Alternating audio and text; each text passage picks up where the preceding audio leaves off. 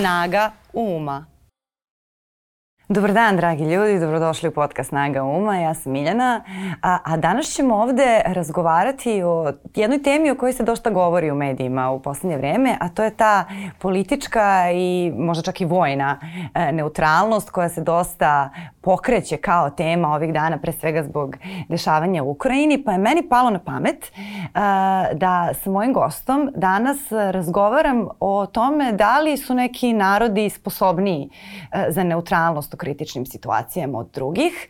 E, moj gost e, je pisac, dobitnik nagrade Evropske unije, Dejan Tiago Stanković, koji se u svom romanu Hotel Estoril e, između ostalog bavio i dešavanjima u Portugaliji tokom drugog svetskog rata, kada je Portugalija bila uspešno neutralna, ako tako može se kaže, pa se ja onda jako radojem da sa Tiagom razgovaram o svemu onome što je on naučio o Portugalcima dok je istraživao ovaj fenomen njihove neutralnosti i da vidimo da li nešto možemo mi možda da naučimo od njih.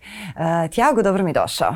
Bolje te našao. Čestitam ti pre svega tri mesta na, na top listi najčitanih za tvoja tri romana. Uh, to je velika stvar za Moja našu... Moja jedina tri romana. za tvoja jedina tri romana. To je velika stvar za našu čitalačku publiku. Iskreno, kao što sam rekla, nisam toliko sumnjala u tebe koliko sam sumnjala u nas, da ćemo prepoznati svaku ja dobru književnu. Ja ne bih, ja bih se složio. Ja moram da priznam da ako nam je nešto ostalo iz vremena od toga što smo se na vreme opismenili, pre televizije i pre ovoga, a to je što se kod nas puno čita i što su ljudi još uvek vole čitanje i razumeju čitanje kao neku vrstu zabave, kao neku vrstu razbivike, kao neku vrstu dobrog, lepog hobija, korisnog hobija.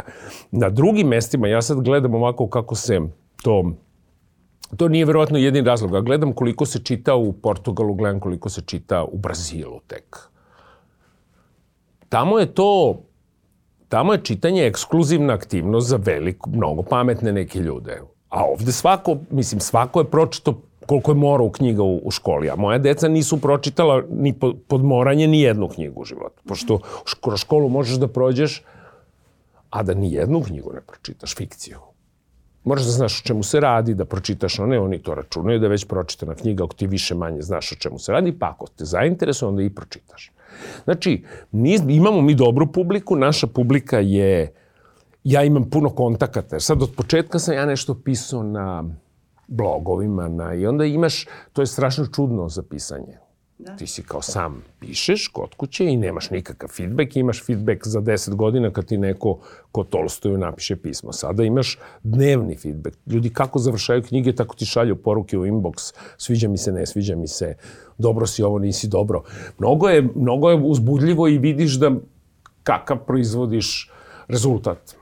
E, sad, ja sam u najavi pomenula uh, tvoj roman Hotel, Hotel uh -huh. Estoril. Samo Estoril. E, po, te, pomenula sam njega zato što si on baš, e, da kažem, e, možda najbliži ovoj, uh, ovoj temi yes, koju yes, sam yes. odabrala. Kako se tebi čini ta tema neutralnosti i koliko može da se poveže, na primjer, ono što si ti naučio o Portugaliji u tom, u tom vremenu i sa ovim nekim situacijama u kojima se mi nalazimo danas? Ovo je jedina tema, ja mislim, istorija i o posebno, ovo je možda i jedina tema na koju ja mogu sad da pričam ovako otvoreno, da se pravim pametan i da uglavnom ne lupim skoro ništa. Pošto je, ovaj, ovaj urednik mi je rekao, kad je čitao knjigu, kaže ti si mogao i doktorat da napišeš na ovu temu, jer sam ja bukvalno 13 kut telefonskih govornica, kutija ko tebe ima materijala. Znači, ja sam pročito sve novine portugalske iz epohe, pročitao čitav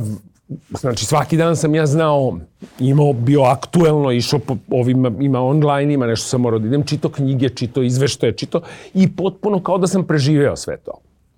Da, to je ta zanimljiva. A tu je prisutan sa, Salazar, koji je glavna ličnost, u stvari, jer on je bio diktator, je bio razni, različit ovih, na, on je na neku foru ličio, recimo, na, nije ličio na komunizam, na Tita, ličio je na ove sada jer je on sve sam odlučivao. Znači svaka odluka u državi je njegova bila. A on je iskreno verovao da Portugal nema mnogo veze sa, sa, sa evropskim drugim silama, da je njihove interes u prekomorskim, znači u kolonijama, i da oni ne bi trebalo ni što da se petljaju, i mada su imali potpisan najstariji ugovor o nenapadanju zaštiti sa engleskom još iz 15. valjda veka, da, iz 15. veka.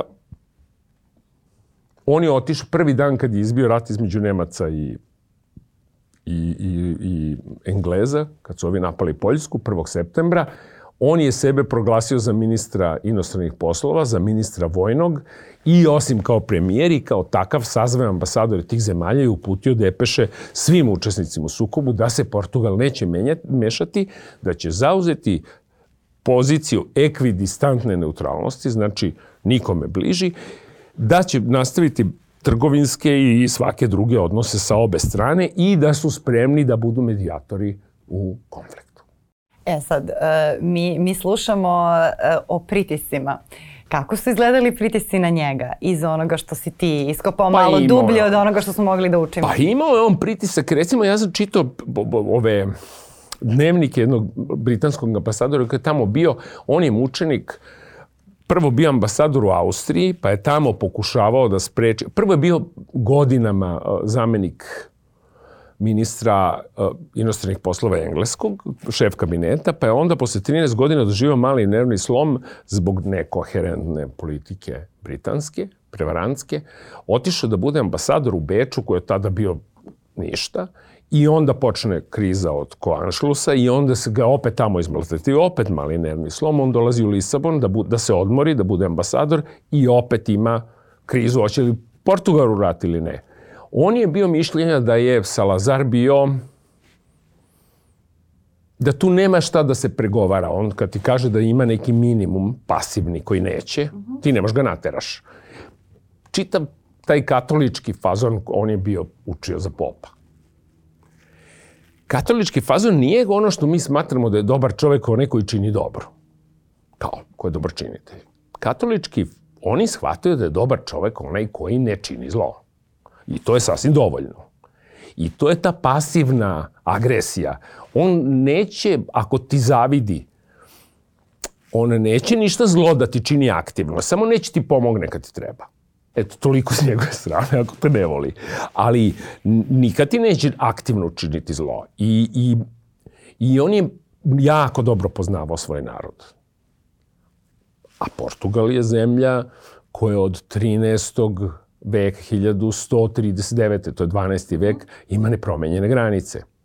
Koja je tamo van tu ne prolazi mnogo. Ko ako prolazi, prolazi da bi trgovao sa najboljim namerama. Lisabon nikad nije ni bombardovan ni napadan.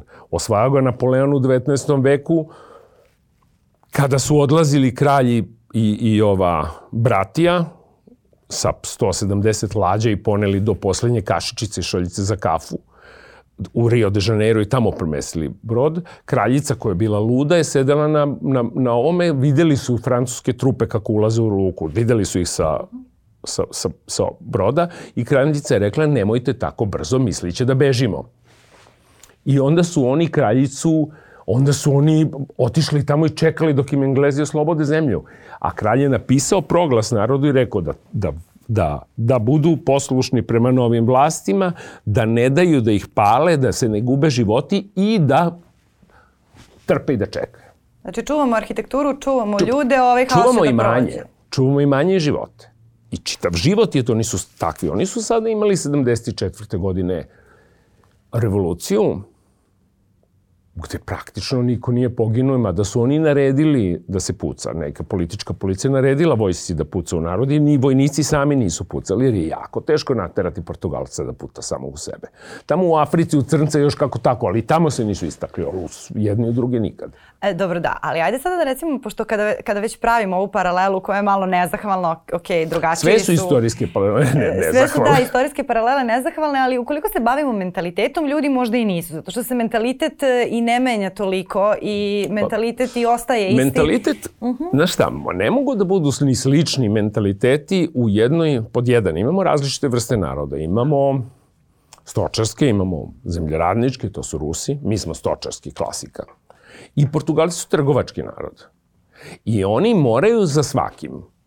Oni moraju, oni su sve vreme svesni da postoji crnaci, japanac i muslimani, ovakav i onakav i oni znaju da sva svakim treba i znaju da nikad neće oni sve da dobiju.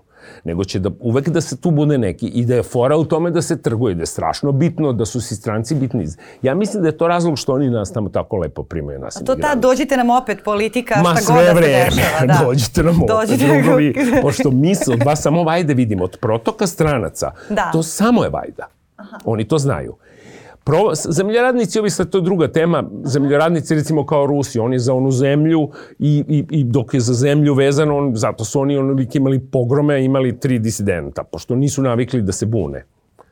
I imamo stočarske narode koji su oni gde zemlja ne vredi mnogo, pašnjak ne vredi mnogo. Ne treba mnogo ni da se radi. Lako osvojiš pa ovce preteraš na drugu stranu, ne braniš baš mnogo pošto znaš da se ne isplati. Mi nis, mi, kod nas se ili je sve vreme politika ili oni ili mi.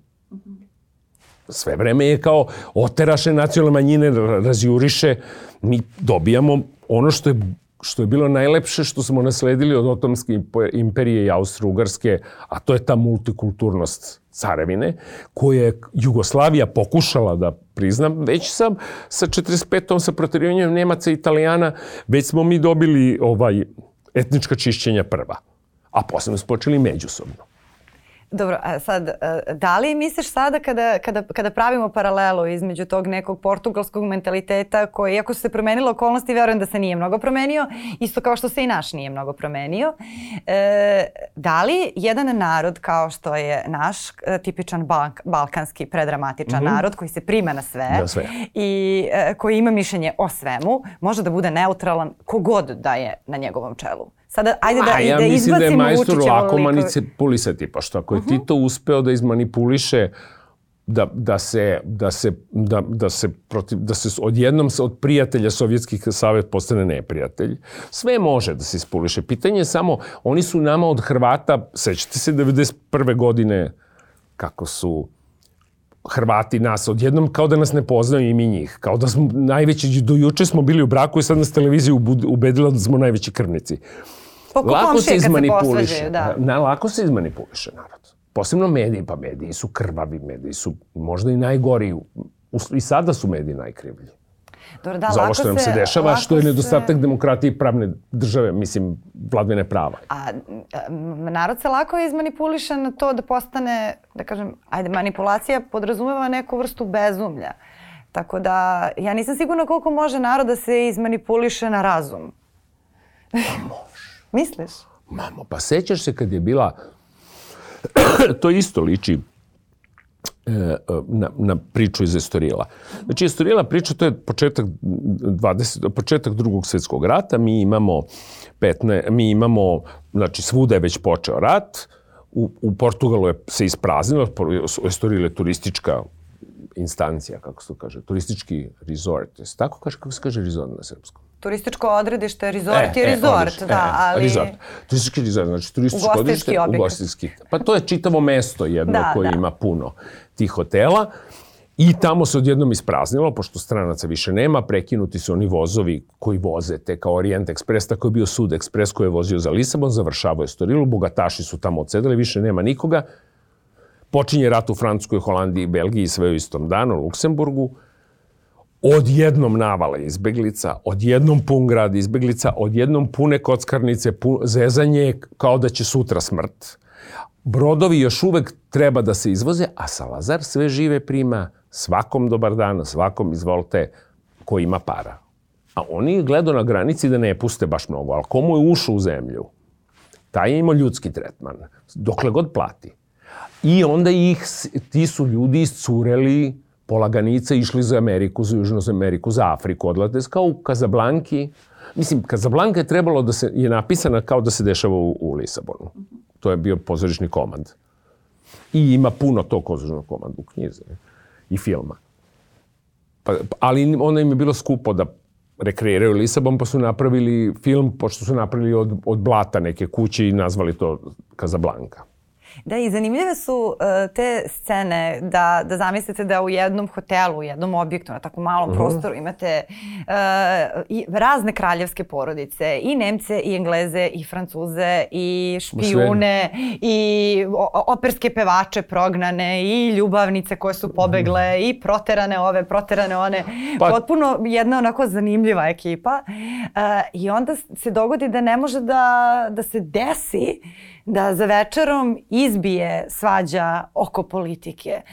O, meni je to zanimljivo prosto kao jedan društveni fenomen kako, kako u tako jednom tenzičnom istorijskom trenutku po, je postignuto da se svi ti ljudi koji se nalaze na jednom mestu, koji su puni utisaka, koji su pobegli, kojima su palili dvorove, e, te utiske da ostave ispred, ispred e, granice ja mislim i da, da ti nemaju. ljudi koji, ti, pod jedan drugačije tragedije bogatih ljudi, a drugačije siromašnih. Mislim, bogatih ljudi uglavnom nisu oni baš završili tragično. Oni su ime samo uzeli dvorove. Mislim, lepo, imamo dokaz naučni da možeš bez dvora i bez krune. Vrlo lepo da živiš. Tako da nije to baš bilo toliko tragičnih priča. Oni su, onima koji su bili gladni, postale su narodne kuhinje, oni su pokušavali da im nađu neko zaposlenje i tako da, takvih je bilo jako malo. Um, um, Uh, oni su, bavili su se neutralnošću, recimo njihova neutralnost, ta je ekvidistantna, je bila u tome što su u portugalskim vodama, kad padne avion, nema kome nisu pomogli. To je bila njegova. Znači, on ima dužnost kad se utopi brod, kad se potopi brod u Portugal. A van portugalskih voda baš ih briga. Znači, nije njegov posao uopšte, neće se trzne na ono što se dešava kilometar van. Onda je imao onda Englezi su, kad, su, kad je pre nego što će početi rat, Englezi su slali tog ambasadora s njim pregovara u slučaju rata šta će biti. I dogovor je bio da ukoliko Španija, samo su mogli Španija i Nemci zajedno da napadnu Portugal, da okupiraju, e, da će se portugalska vlada povući na Azore, da će se odmah priključiti saveznicima, da će se povući na Azore, da će na Azorima, e, da će ostaviti ove već imenovog generala koji će biti Nedić, imenove generala koji će da biti, biti izdajnik, da taj general dao mu zadatke da što manje ljudi pogine, da što bude viće štete, a Englezi su mu tražili da, oni traže da Engleza spiskove meta koje u slučaju rata oni smeju da bombarduju i onda su se svađali oko svakog mosta, jer ovaj nije dao. Već ti rušiš meni. Ništa. Ništa. Mislim, ništa. na kraju je pustio ovo, ono... Uz dužno poštovanje, vaš drugi svetski rat, ja ne dam moj... Uh... Alo, I čak i ako zaratimo, nemoj da, da rušiš, da. oslobodit ćemo se mi, pa će nam trebati most posle. Uh. -huh.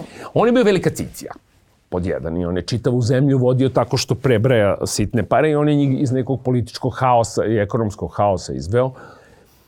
Međutim, on je uspeo veoma veš, do duši, sticajem okolnosti, recimo Franko nije hteo da sarađuje sa Hitlerom, mislio da ovaj lud a bez Hitlera nije mogao da osvoji Portugal. Mada je Franco doktorirao valjda na temu kako osvojiti Portugal u sedam dana.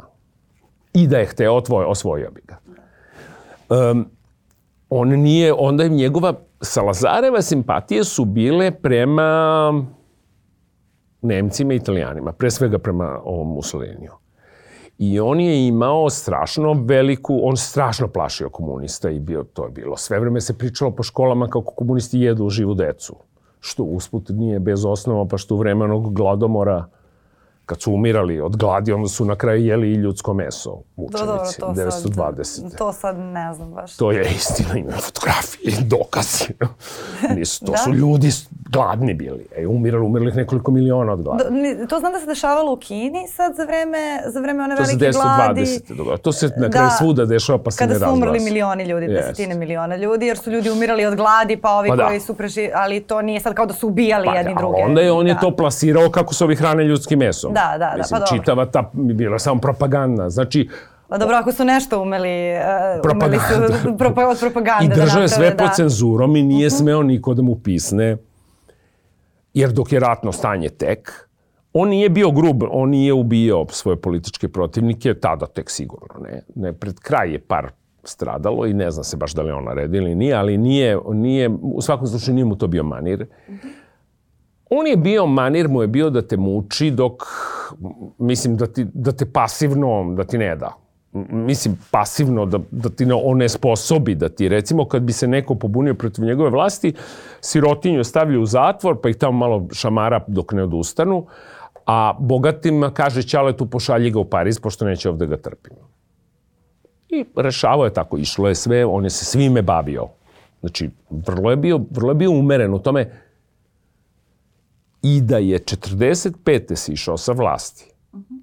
posle što je uspeo da ih spase rata, uspeo da ih spase gladi nije, gladovali su, ali niko nije umro od te gladi.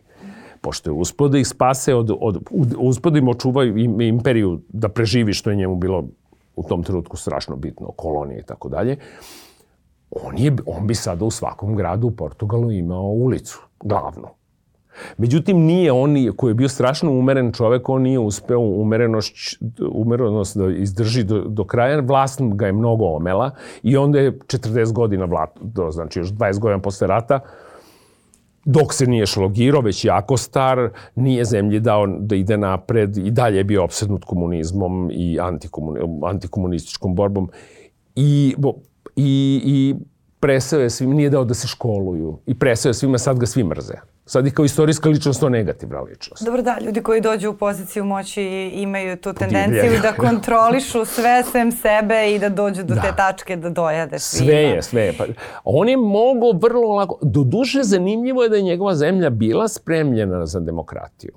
Kada je, demokratija se tamo vrlo brzo primila posle, posle rata. I posle njegovog silaška, što duše bilo 74.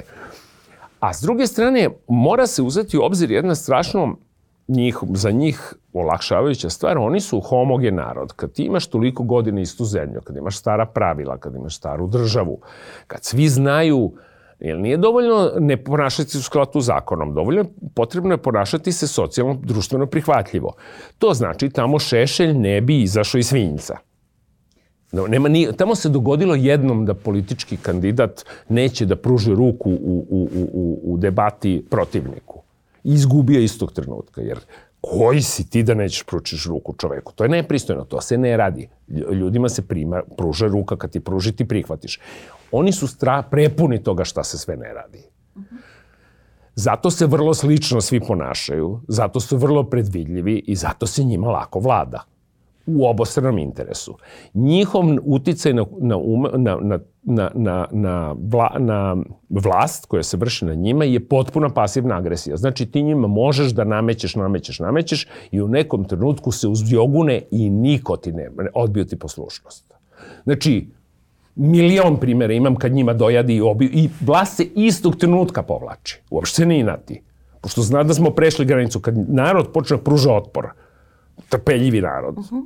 Znači, druže, pretero si, vraćaj se. A kako se sad sve te neke situacije dešavaju, dešavaju u Srbiji. Da li je...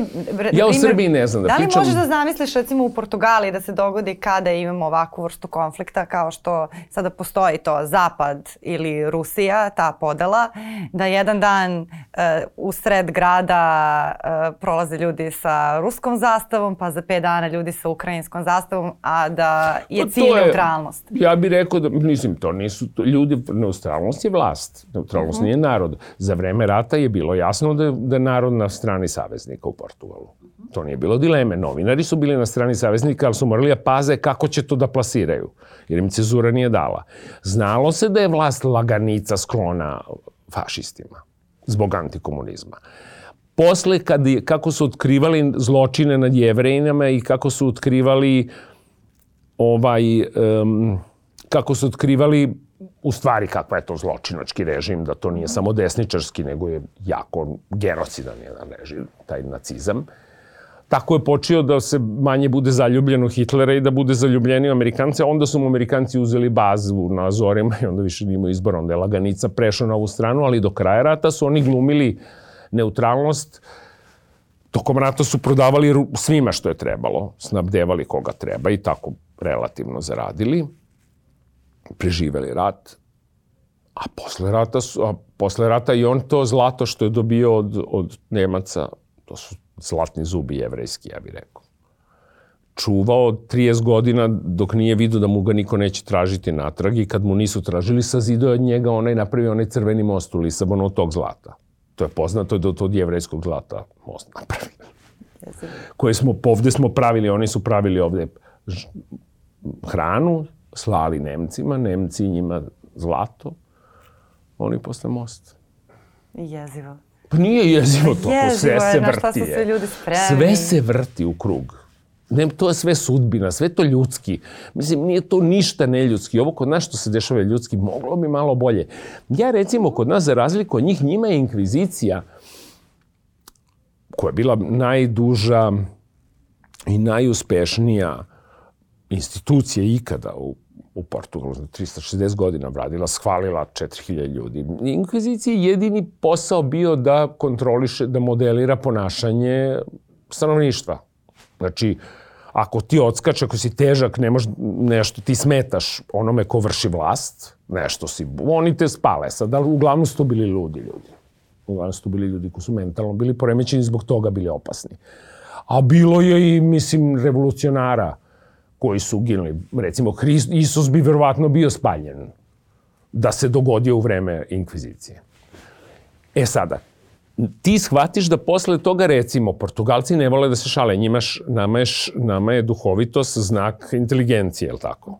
Nama je kad, ne, kad nekog zezneš nešto, to je super. Njima to nije to znak da si ti budala, jer ti si tradicionalno mogu da te spale zato što si šališ se i sprdaš se. I sad to, šta znači kad to znači? Da si budala, da si lud čim se šališ. Kod njih duhoviti ljudi su klovnovi, nisu pametni.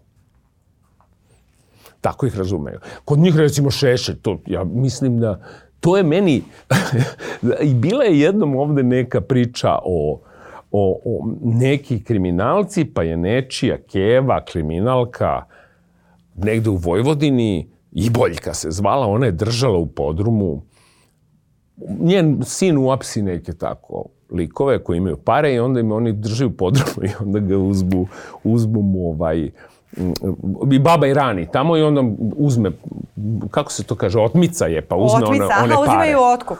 Otkup, otkup, da, da, otkup, da. ransom, ne mogu se setim na srpsku. Otmica za otkup i onda su... Jeste, i baba je učestvovala u tome i sad ja ne mogu da verujem da ti imaš babu koja drži legalni zatvor za ljude koji su... Moja bivša žena kaže šta je to, ja kažem koja je vest, ona kaže zašta kod vas služi crkva kad nemaš babe da kontroliše? jo, Bože. Mislim, realno. Crkva služi da kontroliše ponašanje. Toliko voziš ovaj crni humor, da. pa mislim, realno. A pazi ti kod nas Šešelj koji je prikaz nemorala. Nemorala u smislu da ti ne poštuješ društvena pravila pristojnosti, da ti prdiš na sahranama, veseliš se tuđoj smrti, igraš na grobovima, blagosiljaš. Znači, on je idealna osoba da se, da nikada u životu, da crkva ga prezre. Sin jako da njega crkva odlikuje. Naša. Da, da, da. Kako to objašnjamo? Čemu služi kod nas crkva? Nemoš kontroliše babe, odlikuje zločince. Če, koja je svrha crkve? Crkva je strašno korisna jedna stvar. Jer ona uvodi neki bazični red u društvo, malo ti utera strah u kostiju, da služi kad nemaš sobstvenu savest i moral da ti malo naredi kako se ponašaš. Može da bude zanimljiva, obeležava neke godišnje trenutke, pa ti nekako bitno u životu dati. Značajno je. Značajna je crkva i na mnogim mestima, posebno kad ljudi veruju. Kod nas, ja ne znam da li neko u tom smislu veruje. A Portugalcima je crkva u stvari i to dugo vremena istih pravila su ih uterali i s njima je lako. Da, iako je radila crkva užasne stvari mnogo gore nego što, što su se ovde dešava. Mislim, sama ta inkvizicija i da, sve to, mislim, mislim to... to da, da, da kažem, nije to toliko ni strašno, oni su šta, 4000 ljudi spalili, to je jo, pola Srebrenice. Ja prezdali da govoriš pa, tako mislim, stvari, mislići mi da si ozbiljan. I to za 350 godina, znaš, nije, pa bez statistički, to je, pa toliko smo mi na... Kod njih je, Salazar je imao ozloglašeni logor Tarafal u na zelenorskim ostrima, Cabo Verde. Da. Bio sam u tom logoru. To nije ništa strano, to je po logor. Tamo je držao političke zatvornike, tamo je 14 umrlo uglavnom od tuberkuloze i od posledica batine i tako dalje, niko nije streljan niti ubijen. A, to uporediti sa ciframa Golog otoka koji je isto vreme, trajao je znatno kraće i ovaj, ja mislim da je 1 na 100 odnos ljudi. Mislim da je tamo 14 ljudi umrlo, dok naš 14.000 ili 400, tako nešto. Ali či nenormalno mnogo se kod nas manje ceni ljudski život. Kod Rusa još manje. Njih pogine milion, to je statistika. Da, dobro, da. Sad smo, sad smo i dobili te neke vesti koje ja prosto ne želim da verujem da su tačne, da je njihov patrijarh rekao da svi vojnici koji poginu u Ukrajini, da će im svi gresi biti oprašteni. To, to, to sam rešila da, da zamislim da je fake news. Čovjek za ludnicu. Da, to Ko može stvarno... da kaže tuđa deca, aj svoje šalji tako. Aj svoju šalji kad si toliko hrabar, ja praštaj svoje deci, nego nema svoju decu, šalje tuđu ali e, sad, kako taj temperament, koliko je mi kao, da kažem, jedan mali narod u suštini, e, koji uvek ima važne uloge u velikim haosima, uh, imamo tu tendenciju da, da se strašno primamo na svetske događaje. I da li je to, da li je tako nešto, takva neka pozicija kod nas uopšte moguća u redu? Ajde sad ti si pomenuo to Titovo vreme.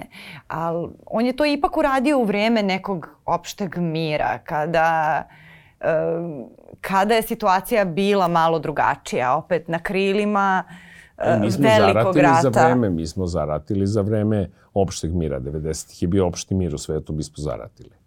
Pa to, to, to te pitam, da li je uopšte moguće ja znam, ovde održati taj neki Ima istorijski, hladnokrvan odnos prema dramatičnim situacijama? Imaju istorijski podaci. Recimo, znaš kako Grci su se u, u, u Vizantiji ubijali, imali građanske ratove oko toga da li je ikona ok ili ikona nije ok. Dobro, to je ikonoborački pokret oko gluposti. To je... Ljudi se ubijaju oko gluposti. Kod nas se ubijaju oko toga ko je obrezan, ko je nije obrezan, pošto realno oni tamo nisu vernici ni jedne, ni drugi, ni treći. Mislim, realno, ko je video vernika, ko je bio u Južnoj Americi ili u, u, u, u arapskim zemljama i video šta znači pravi hrišćan, odnosno musliman praktikujući ovo kod nas je smejurija, to su znači oni samo lažu da su vernici. Ja ne znam da li kod nas ima neki vernik. Pa ima. U kom smislu? Pošto u Južnoj Americi ti imaš one ljude koji mrava zgazili nebi. Ti imaš ljude koji se u svemu, ova moja jedna kućna pomoćnica dugogodišnja, ja njoj kažem, odemo da je nešto vadimo, produžujemo ovaj, vizu i ja sad nešto lažem tamo u, u imigracionom da bi ona dobila vizu i ona posle meni sve porekne što sam ja rekao. Ja kažem, zašto poriče? Ona kaže, pa ja sam hrišćanka, ja ne lažem. Rekao je, pa dobro, mislim, makar si mogla da prećutiš. Znači, oni ne lažu, oni ne bi ukrao u životu, oni ne bi drugom učinio zlo, oni su mnogo predati tom svom hrišćanstvu. Pa dobro, ima i ovde ljudi koji su zaista predati veri. Pre, i ima i ljudi srpstvu. koji žive... Ima ljudi koji veruju u srpstvo, to znamo. Dobro, da. A Nama vera je kao srpstvo. Je. Šta god pa to nije, hrišćanstvo je mnogo jača stvar. Jeste, da.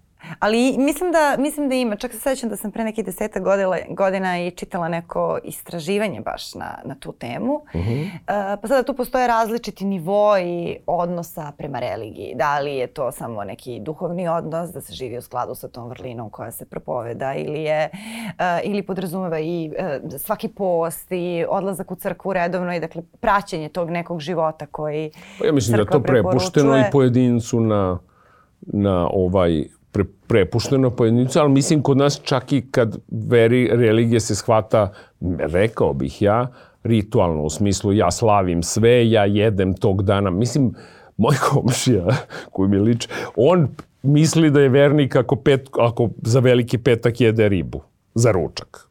Znači, to je znak da je čovjek vernik. Sad, mislim, druže, A kako ti, kako ti deluju ove litije u Beogradu? Ti imaš, Ma ne, ti ja imam ispratiš, verziju. ispratiš sve, sve proteste koji se dešavaju u centru sve grada. Sve pored kuće, da. da. Pa nemam pojma ja nešto. Mislim, meni ti ljudi baš nisu jasni. Ja imam utisak da je to neki, neka strana služba. Uopšte, recimo, jedna stvar zbog koje je Portugalom biti lakoš, lakše vladati, nego nama, je to što su oni imali užasnu crkvu i užasnu... Crkva je bila uz fašizam sve vreme fašizma. I oni su znali da sve što kažeš popu ispovesti da će to da ode negde. I oni su se mnogo razočarali u crkvu, pošto nije bila narodna, ni u jednom trenutku.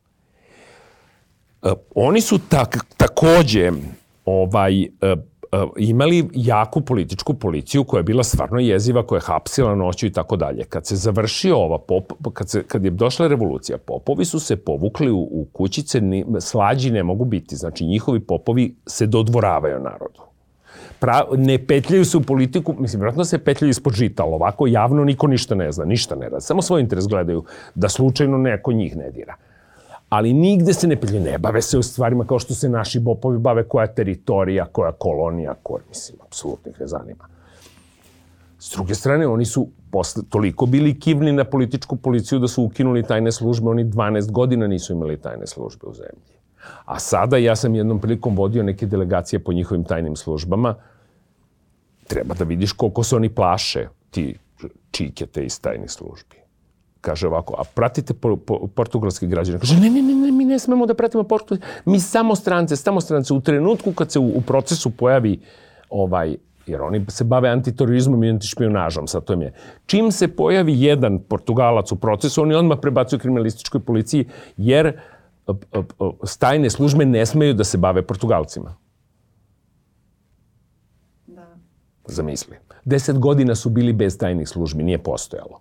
Do, Kod nas ima i ruške. bave opozicijom, to je Naše službe se bave da, da zadrže ovak na vlašću. Naše službe se po sovjetskom metodu, ja bih rekao, prave bavljenjem haosa. Pošto čitavo bavljenje haosa, to ako nije tajna služba, to je njihov metod. Jer to je naučio Šešelj kad su ga u DB-u, to je sad ova sve Šešeljeva škola. Oni svi znaju da što kao Rusi digneš haos, napraviš buku i u, u mutnom loviš praviš džum. To je ruski fazon sovjetski. Sad ne bih voljela da deluje kao da mi e, malte ne propagiramo sve to što se dešavalo u Portugalu kao nešto idealno. Ne propagiram ja ništa, ja samo to, jer ljudi su skrećem da, pažnju da ima dva metoda. To, ljudi su skloni da sad, e, ukoliko nije ovo dobro, onda sada kao treba sve ovako. Ne, prosto razgovaramo o ja samo... nekim drugačijim načinima razmišljanja da vidimo šta iz njih možemo da naučimo. Samo sam to htela da, da prosto ja bih samo rekao podvučem. Da je... Nije sad ovo neka promocija Ma nije. Salazara ni Salazara, ni crkveni, ni da, čega. Da, Svi da. su oni bili... Taj Salazar je bio... Ja bi samo ti pričam koliko je jedno zrelo društvo u kome su, postoji jako civilno društvo, to je ono bitno, to je ono što postoji u Italiji. Kod njih su od, od, od pali milion vlada, međutim civilno društvo postoji. Tu postoji e, pa civilno društvo da. koje drži, drži zemlju u, u, u, u, u, u kohezivno tkivo tamo je porodica i tamo je važe moralna pravila, pravila ponašanja, pravila, ja samo mislim da je pitanje stila. Mislim, cela razlika u svemu to pisanje stila. A stil je strašno bitan. Nama je problem što kod nas sve može, jer je posle ono što u privatnom životu ti ne bi mogao da uradiš, to možeš na javnom, na javnom mestu da uradiš i to je najnormalnije. Znači, naš javni život se pretvorio u cirkus. Zaslugom nekoga ko bi hteo nas da zamajava da mi imamo čime leba i igara. I to je najveća moralna propast, jer to se sada, mislim, mi imamo po ugledu na Šešelja, imamo decu koja misle da je to društveno prihvatljivo ponašanje to što oni rade, radikali, pa sad ovi neoradikali, pa svi se oni ponašaju jako nepristojno. Mislim, i ovo što ja sad pričam, i način na koji tebi pričam, ja tako ludilo ne bi na portugalskoj televiziji pisao, pričao. Ja bi morao da koristim eufemizme, ja ne bi smeo da pominjem imena, ja bi morao da se strašno pazim, jer oni ne vole da, da uopšte bilo koga napadaš. Kod nas je došla situacija da moraš. Da, tu postoji ta, ta, ta lepa navika koja, da, da svaku rečenicu, iako možda formalno ne počnemo, ali da treba da zvuči kao da smo je počeli sa uzdužno poštovanje. Da, da. Ali zaista ne, ne u onom mora, ciničnom. svako zaslužuje, i svaista, uz dužno poštovanje, ali ja tako mislim i ja tebe ne mrzim. Između ali zdo... i to dužno poštovanje mora se zašti, e, mislim, mora da se pa, zasluži. Ne možete ti kažete uz dužno poštovanje nekome ko je potpuno van svake... Da ti kažem, dovoljno je kad si poštuješ minimum uh -huh da, da, ne, da, da ne radiš ono što se ne radi. Znači, ti smeš da izneseš svoje mišljenje, ako te neko pita i ako to ima neke svrhe, nema, tamo ne se ne iznoše mišljenja ako to nije relevantno. Znači, svako čuva svoje mišljenje za sebe dok ga ne pitaš. Međutim, ja, ja mislim jedno hibridno, to je strašno teško. porediti i nema, nema ovoga, ali mislim da je, da, bi se, da se vratimo na temu neutralnosti, to ima veze naravno sa svim ovim mentalitetom i svem ostalem, međutim, da bi postala neutralnost, mora da bude odlučnost vlasti da se bude stvarno neutralan. A kad hoćeš da budeš neutralan, to ne znači da treba da si, nego ti si prav, ponašaš se kako se ponašaš prema svima jednako, imaš od početka jasne kriterijume, ti kriterijuma se držiš. Ovi naši pokušavaju kao nešto tu da muljaju. U mutnom. U mutnom. Da, i, to onda, i onda zapravo nikome ne valja jer niko nema da, jasne... Nikome. U, ti si uspeo, kao Tito je uspevao, znaš, da bude između dva bloka, pa je kao uspevao da se dodvori jednim i drugima, tako je valjda priča, ja ne znam kako je. Ovaj sada je uspeo sve žive da iznervira i stalo iznervira. Ja ne znam koga, nas. koga, pa, pa mene više manje. Ja to sve posmatram, mislim, ja to sve posmatram fenomenološki, čak nisam siguran da, kad, da mislim, kad vidim ponekad opoziciju, Ovaj neki patriotski blog me juče mnogo nasmejao. Sad on, pazi, ne znam. A, pomenuo si uh, situaciju sa, sa migrantima i tu bih isto volala da napravim paralelu recimo u tom nekom tradicionalnom odnosu. Tu smo odlično se pokazali. Da, uh, o, našem prema svemu što je strano i njihovom, jer mi sada imamo i tu situaciju da, da ovde dolazi mnogo ljudi iz Ukrajine, iz Rusije i sad meni lično, uh, isto kao što su bile te priče tokom 90-ih, ja sam tad bila mala, kako je ružno naplaćivati izbeglicama, iako je bilo mnogo ljudi koji su pomagali izbeglicama. Tako se i sada ponovo javlja ta tendencija ljudi koji e, namerno dižu cene zakupa kako bi izdavali to Rusima e, i tako dalje. Onda se razvija taj neki osjećaj kao evo sad ćemo mi da učarimo na nekim ljudima koji beže od nesreće, ali opet možda to kada gledaš sebe ti se čini tako, jer to... Ne znam, ja uh mhm. -huh. mislim da, da moraju i tu postoji tržišni tržišni, jer mislim nemaš ti da, da spuštaš cene ako, ako ima po, to je ponuda i potražnja, kako se ko snašao. Izvini, sve košta pa i bežanje košta.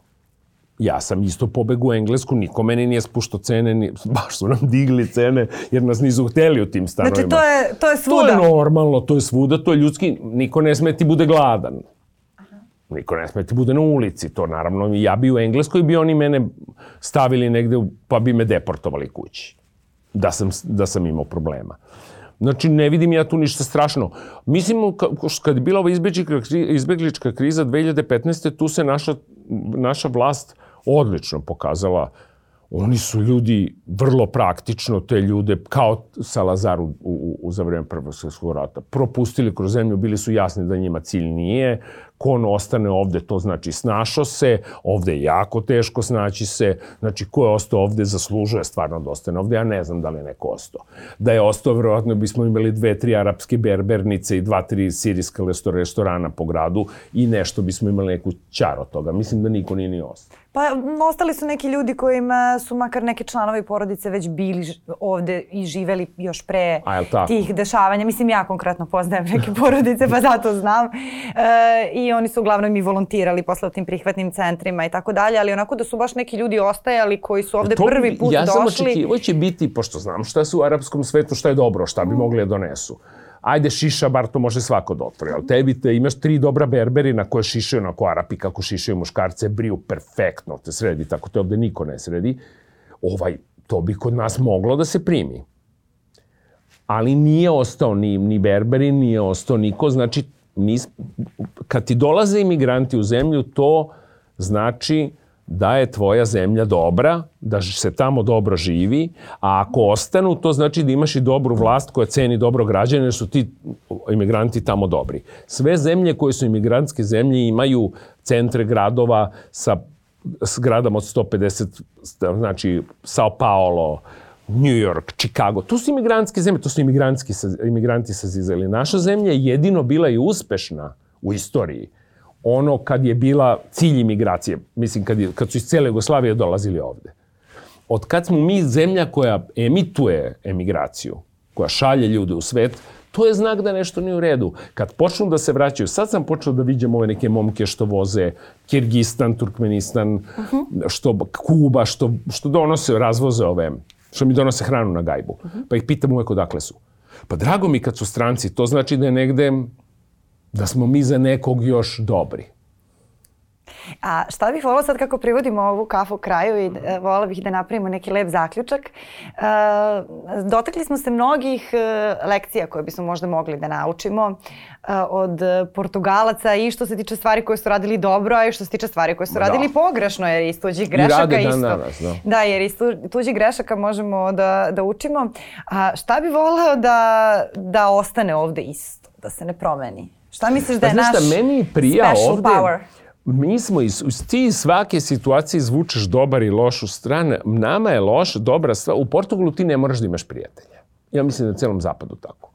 Ti imaš porodicu, to ti daje ono osnovno da imaš s kim da se čuješ danas s sestrom, sestrom od tetke, imaš s kim da slaviš Božić, imaš s kim da odeš na slavu, znači ti si rešen sa komšilukom i porodicom ti si, i po, kolegama s posla ti si rešen. Prijatelji ti ne trebaju. Realno. Kod nas, kad ti nešto treba, ti onda odeš, obratiš institucije koje se bavi time da ti pomogne. Kod nas mi smo još uvek u onom predindustrijskom razvoju gde svi treba ti i veza i prijateljica i saveti i mi smo mnogo upoćeni jedni na druge, nemamo kome se obratimo. Jeste, moraš da imaš drugaricu lekarku, moraš da imaš, moraš da imaš druga u MUP-u, moraš da imaš svuda, sve, da. Sve. I ja mnogo volim taj odnos, taj odnos jer ovde smo mi mnogo međuzavisni, mnogo se u stvari volimo i mnogo jedni s drugima vremena. Ljudi, znaš, zovu me pa kao, uvek imaš neko ko će ti sredi nešto. Je. I ja taj deo najviše volim ovde i taj odnos, ja najviše volim ovde kako se ljudi međusobno u stvari vole i paze. Eto, to bi rekao.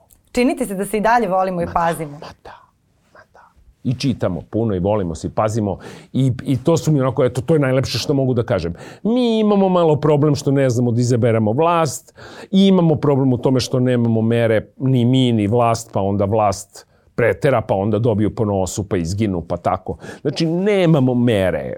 To je naš glavni problem, što nemamo mere ni o čemu. I to samo dovodi da je društvo strašno heterogeno, jer ovde kod nas ban serijsko ponašanje potpuno prihvatljivo. Znači ti se ponašaš nenormalno, plačeš na javnom mestu, čupaš kosu, spretiš, valjaš se po podu. Valjaš se po podu, pretiš da se bešiš o luster, a tom prikom si predsednik zemlje. Znači, izabrani prvi čovjek u zemlji. Glumiš ludaka, a ja sam uveren da on nije toliko lud u privatnom životu. Tako niko ne ponaša. Rekla bi mu deca, čale, sredi se. Misli, šta ti je? Nego on igra, loš glumac koji igra i zabavlja narod i to je nama dosta kada će nemamo drugo. Nemamo mnogo ni izbora. Je. Pa hvala ti mnogo na ovom razgovoru. Jel jeste? Jeste, da, već smo priveli kraju. Ovo je proletelo. Nadam se da ću imati priliku ponovo da te ugostim, pošto imamo još e, Imamo, tema. Ajde. Čestitam ti još knjigu. jednom na, na, top, e, na top listama svim koje si, ovaj, ja čestitam hvala. i čitavcima tvojim što mi da izaberu e, šta da čitaju. A, hvala i vama na vremenu i pažnji. Sa mnom je danas ovde razgovarao Dejan Tiago Stanković. Nadam, sam, nadam se da vam je ovaj razgovor prijeo, da vam je bio zanimljiv da je možda zainteresovao za neke nove teme, a mi smo tu i sledećeg poneljka na Nova RS. Prijetno!